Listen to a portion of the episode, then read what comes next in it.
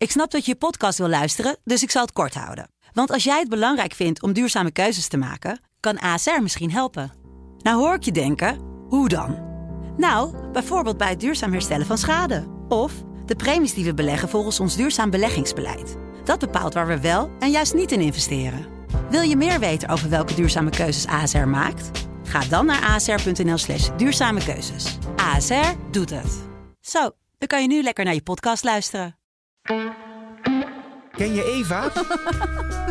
Eva is een vrouw die in het verleden niet de beste keuzes maakte als het op de mannen aankwam. Na de laatste teleurstellende relatie en het moeten opgeven van haar kinderwens besluit ze dat het helemaal anders moet. Een vaste relatie, daar is ze klaar mee. En dus is Eva aan het daten geslagen. Dit is het Dagboek van Eva. Een podcast van Vrouw. Dinsdag.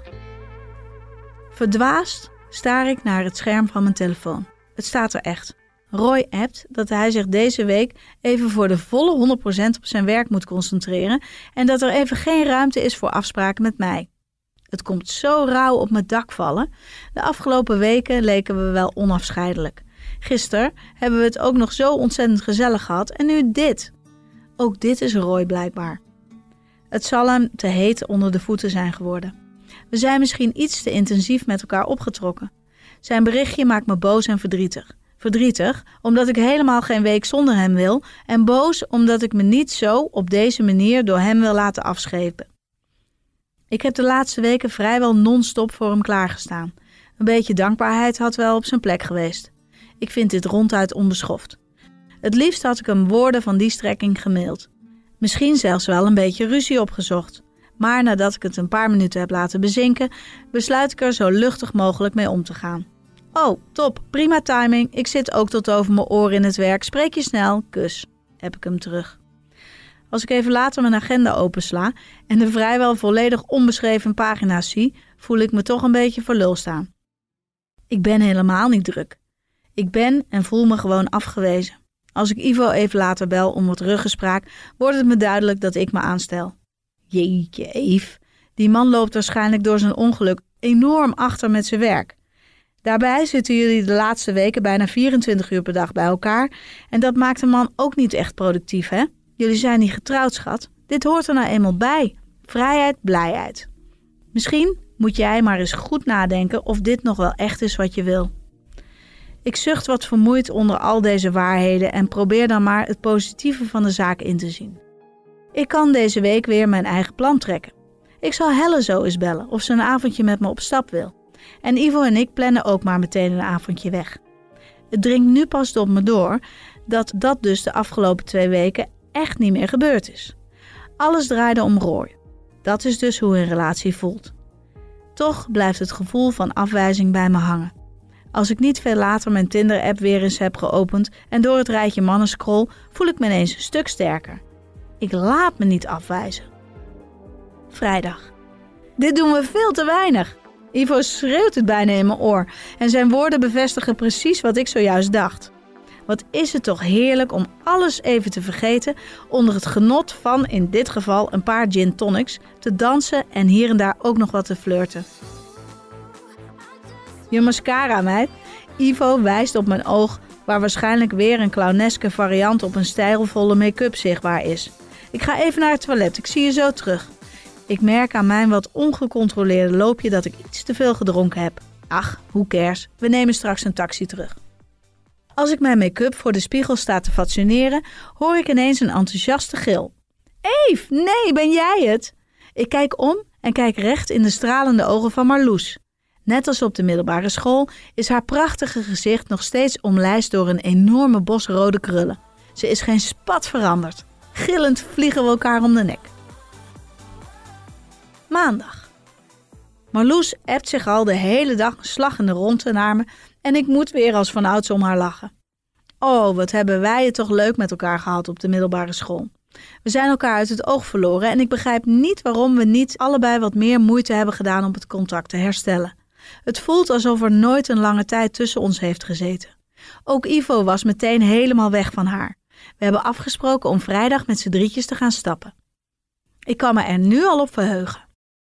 Als het scherm voor de zoveelste keer oplicht en ik me klaarmaak om erop te reageren, zie ik dat het niet Marloes, maar Roy is die me appt. Of ik morgen wat te doen heb. Ik heb helemaal niets in mijn agenda staan, maar weiger klaar te staan nu Roy er ineens wel klaar voor is. Zin om morgen ergens een hapje te eten? stuur ik Marloes snel. Binnen de kortste keren heb ik antwoord. Dat lijkt haar een geweldig plan, los van al onze geplande stapavonden. Sorry, ik ga wat eten met een vriendin, stuur ik Roy, gevolgd door de vraag hoe het met hem gaat. Minutenlang is hij aan het tikken en dan lees ik hoe hij de afgelopen dagen los van zijn gebroken been ook nog eens ziek is geweest. Hij wilde niet nog meer op me leunen dan hij al had gedaan en daarbij moest hij ook echt heel hard werken. Hij hoopte maar dat ik me niet al te afgewezen voelde. Wel dus, ik schaam me diep voor mijn rancuneuze actie. Verdorie, had ik niet ietsje milder kunnen zijn? Ik kom donderdag naar je toe. Mag ik je dan verwennen? Ik druk op cent en stuur er nog maar snel een ondeugende smiley achteraan. Woensdag. Marloes schenkt nog een glas wijn voor ons in en ik zie op mijn telefoon dat het al behoorlijk laat aan het worden is. Ach, morgen maar een uurtje later naar mijn werk. Daar zijn ze niet zo lastig. Het is fijn om weer zo lekker met haar te kletsen. Ze kan niet alleen leuk vertellen, ze luistert ook nog goed. Ik heb haar net tot in detail verteld dat ik geen kinderen kan krijgen en wat de impact daarvan is op mijn leven. Marloes heeft dan wel niet zo'n enorme kinderwens als ik destijds had, maar ze vindt het wel erg dat de keuze voor haar wordt gemaakt omdat ze Mr. Right nog niet tegengekomen is. We eindigen straks met z'n tweeën in een bejaardentehuis. En dat is een drama hoor, want mannen gaan over het algemeen eerder dood. Zitten we daar, met alleen maar andere zure types. En ook al geen kinderen die op bezoek komen. Ik schiet in de lach. Als Roy en ik niet allebei zo halstarrig vasthouden aan ons voornemen nooit meer een relatie te krijgen, dan zouden we het toch echt wel heel leuk samen kunnen hebben.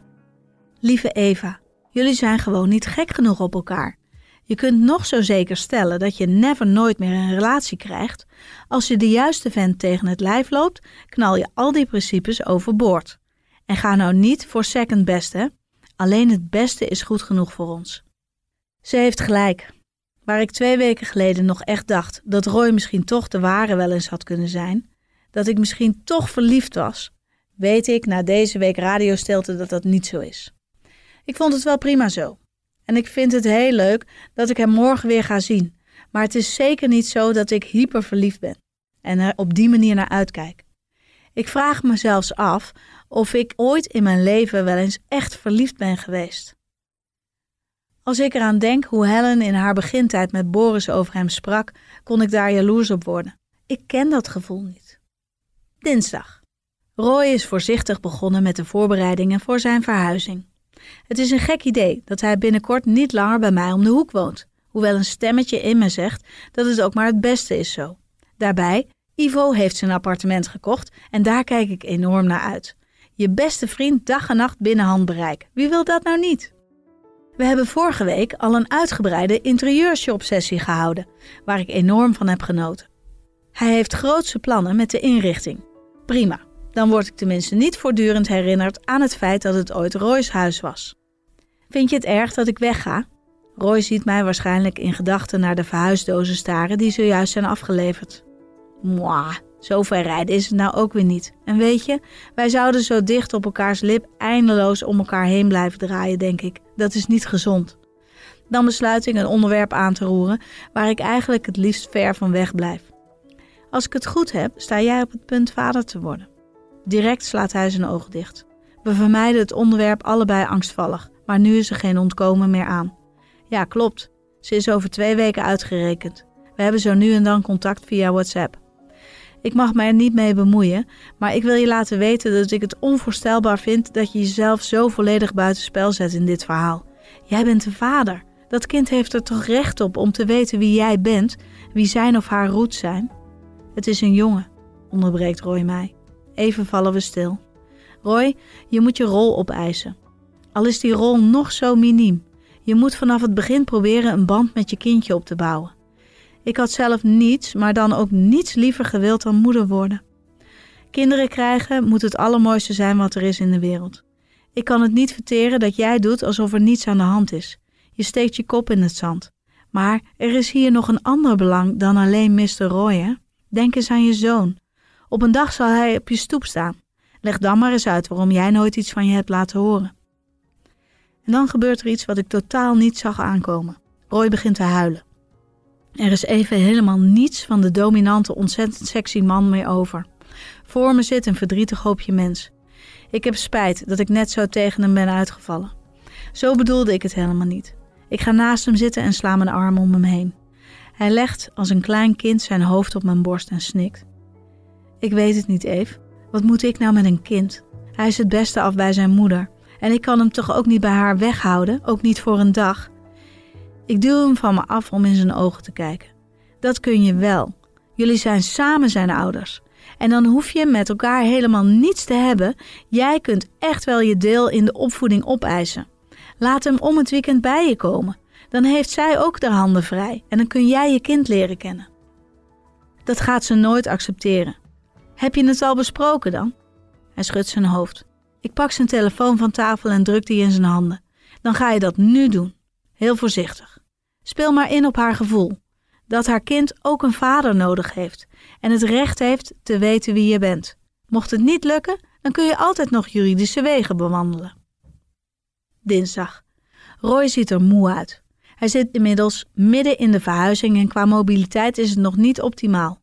Lopen gaat alleen nog maar met krukken en hoewel hij zelf veel probeert te doen, komt het grootste gedeelte van het inpakwerk toch op mij terecht. Ik wil hem ook niet aan zijn lot overlaten. Hoewel ik ergens ook wel vind dat hij hier rustig een verhuisbedrijf voor in had kunnen huren. De vrouw die hij zwanger heeft gemaakt stribbelde enorm tegen toen zij hem vorige week aan de lijn kreeg en hoorde dat hij een rol wilde spelen in de opvoeding van zijn kind. Ik begrijp dat wel. Hij heeft haar hele zwangerschap vrijwel niets van zich laten horen en nu komt hij vlak voor het moment suprem toch even zijn rol opeisen. Haar plannen worden volledig in de war geschopt. Toch denk ik wel dat dit het enige juiste is dat hij kon doen. Het is zijn kind. Hij zou er alleen maar spijt van krijgen als hij dit liet lopen. Ze heeft hem wel heel duidelijk gemaakt dat hij absoluut niet bij de bevalling mag zijn. Alsof ik dat zou willen, vertrouwde hij me toe nadat hij had opgehangen. Afhankelijk van hoe ze zich voelt, mag hij in de uren erna langskomen. Ik vind dat nog heel soepel, als je het afzet tegen haar initiële reactie. Ik heb er alle vertrouwen in dat het goed komt. Als die kleine voor het eerst bij me komt, ben jij er dan om mij te helpen? Roy vraagt het, terwijl ik met het zweet op mijn rug de verhuisdozen door de kamer sleep. Ik schrik een beetje van die vraag, hoewel het ook weer niet helemaal uit de lucht komt vallen. Nog voor ik iets heb kunnen zeggen, gaat Roy verder. Sorry, sorry, ik overval je, ik zie het. Ik begrijp heel goed dat het te pijnlijk voor je is. Ik bedoel, ik weet hoe graag je zelf kinderen had gewild en dan voor het ongelukje van je lover te zorgen. Ik ben geraakt door het feit dat hij haarscherp aanvoelt waar mijn aarzeling vandaan komt. We kijken wel hoe het loopt. Goed? Ik durf nu nog niet zo goed te zeggen hoe ik me erbij zal voelen. Hij knikt. Er valt even een ongemakkelijke stilte en dan schraapt Roy zijn keel. Ik wil voor jou ruimte in de kast vrijhouden. En in de badkamer krijg je ook een la voor je spullen. Nu loop je even snel naar je appartement als je iets vergeten bent of nodig hebt, maar dat gaat vanaf mijn nieuwe huis lastiger. Want je komt toch wel net zo vaak? Ik merk aan mezelf dat ik deze wat onzekere Roy helemaal niet zo aantrekkelijk vind. Ik vond het juist zo heerlijk dat hij altijd de leiding nam en zich nooit afhankelijk van mij opstelde. Dat dominante in hem, dat is juist wat me zo aansprak. Het lijkt wel alsof dat steeds meer van hem afglijdt, alsof het een kunstje was waar hij mij destijds mee heeft willen veroveren. Vrijdag. Die moet vervangen worden. Ik kijk bedremmeld naar de verwarmingsketel waar sinds gisteren water uit druppelt. Om mijn gevoel kracht bij te zetten trek ik een pruilip. Jeetje, dat gaat natuurlijk duizenden euro's kosten. Ergens had ik er ook wel rekening mee gehouden. De ketel was hartstikke oud en met al die horrorverhalen over koolmonoxidevergiftiging ben ik blij dat er een nieuw exemplaar komt. Daarbij is de monteur die het doodvonnis zojuist bracht een meer dan aantrekkelijke man. Ik moet gewoon zorgen dat hij de ketel komt vervangen en dat ik er dan op mijn allerbest uitzie. Dan kan het best nog wel eens een spannende onderneming worden. Ik ga alleen akkoord met vervanging als jij hem komt monteren. Hij lacht ondeugend. Hij heeft door waar ik op uit ben. Als hij even later heel dicht bij me staat om mee te kijken in mijn agenda, ruik ik zijn geurtje. Precies op hetzelfde moment kijken we elkaar aan en dan worden onze hoofden automatisch naar elkaar toegetrokken. Net als in de film. Dinsdag. Alsof de duvel ermee speelt, loopt er vandaag een cv-monteur op kantoor rond voor onderhoud. Als hij even op de afdeling is, ziet Ivo zijn kans schoon. Heb jij toevallig een collega die Henk heet? Hij roept het zo luid naar de cv-man dat ik het wel moet horen.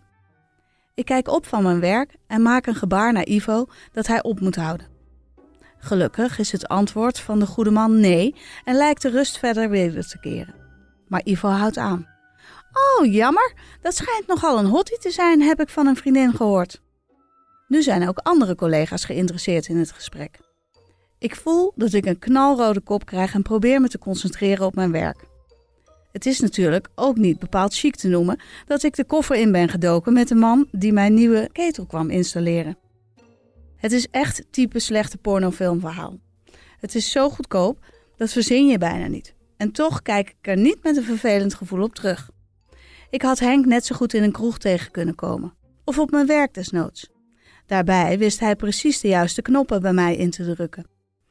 Ik heb het Ivo nog tot in detail verteld die avond. Alles wat deze man deed was spot on. Het leek wel een professional, heb ik zelfs helemaal opgefokt door de adrenaline geroepen. We hebben geen gegevens uitgewisseld. Ik weet niet eens zijn achternaam. Maar mocht ik hem willen achterhalen, dan kan dat natuurlijk altijd nog door even te bellen met zijn werkgever. Met de mededeling dat mijn ketel zo'n raar geluid maakt. En mijn adres heeft hij wel. Vrijdag. Roy belt. Ik zit op mijn werk en zijn telefoonnummer in mijn scherm verbaast me. Normaal bellen we elkaar namelijk nooit onder werktijd. Ik loop de gang op om het gesprek aan te nemen. Aan zijn begroeting hoor ik direct dat er iets met hem aan de hand is. Hé, hey, wat is er? vraag ik ongerust. Het ongeluk dat hij vorige maand kreeg staat me nog vers in het geheugen. Er zal toch niet weer iets zijn? Ik ben vader geworden. Hij laat een stilte vallen en in die rust voel ik een rilling over mijn hele lijf lopen. Al mijn zintuigen staan ineens op scherp. Vader. Ik heb niet langer seks met een leuke man. Ik heb seks met een kerstverse vader. Ik denk dat ik ook een bepaalde vorm van jaloezie ervaar. Ik weet het niet. Het kolkt in mijn hoofd. Gefeliciteerd, breng ik onthutst uit. Is alles goed? Ja, hij is gisteravond al geboren. Ze belt mij er net over. Mees heet hij. Ah, vernoemd naar haar favoriete vogel? Het vloept eruit, wat een stom grapje, om op dit moment te maken. Toch breekt het even het ijs, want Roy moet ook lachen. Ja, dus laten we intens dankbaar zijn dat ze geen warme gevoelens voor ganzen of reigers heeft. We lachen allebei. En nu? Wanneer mag je hem zien? Ik ga er vanavond heen. Wil je met me mee? Ik vraag me in stilte af of ik het wel goed gehoord heb, wat ik Roy zojuist hoor zeggen. Of ik mee wil naar de vrouw die net zijn kind heeft gebaard? Nou, ik weet niet of ze daarop zit te wachten. Ik kan me zo voorstellen dat het al een dingetje is dat jij daar vanavond op bezoek gaat. We kunnen toch zeggen dat je mijn zus bent of zo? Ik wil dit met je delen. Dus na zijn telefoontje naar mij, direct na zijn ongeluk, wil hij nu deze highlight uit zijn leven met mij delen. Ik voel me ergens vereerd, maar vind het wel een brug te ver. Het benauwt me. Nee, Roy, begin dit nieuwe leven nou niet met een leugen. Ik krijg Mees echt wel een keer te zien. Dit moment is alleen voor jou. Wil je de volgende aflevering van het dagboek van Eva niet missen? Abonneer je dan in je favoriete podcast-app.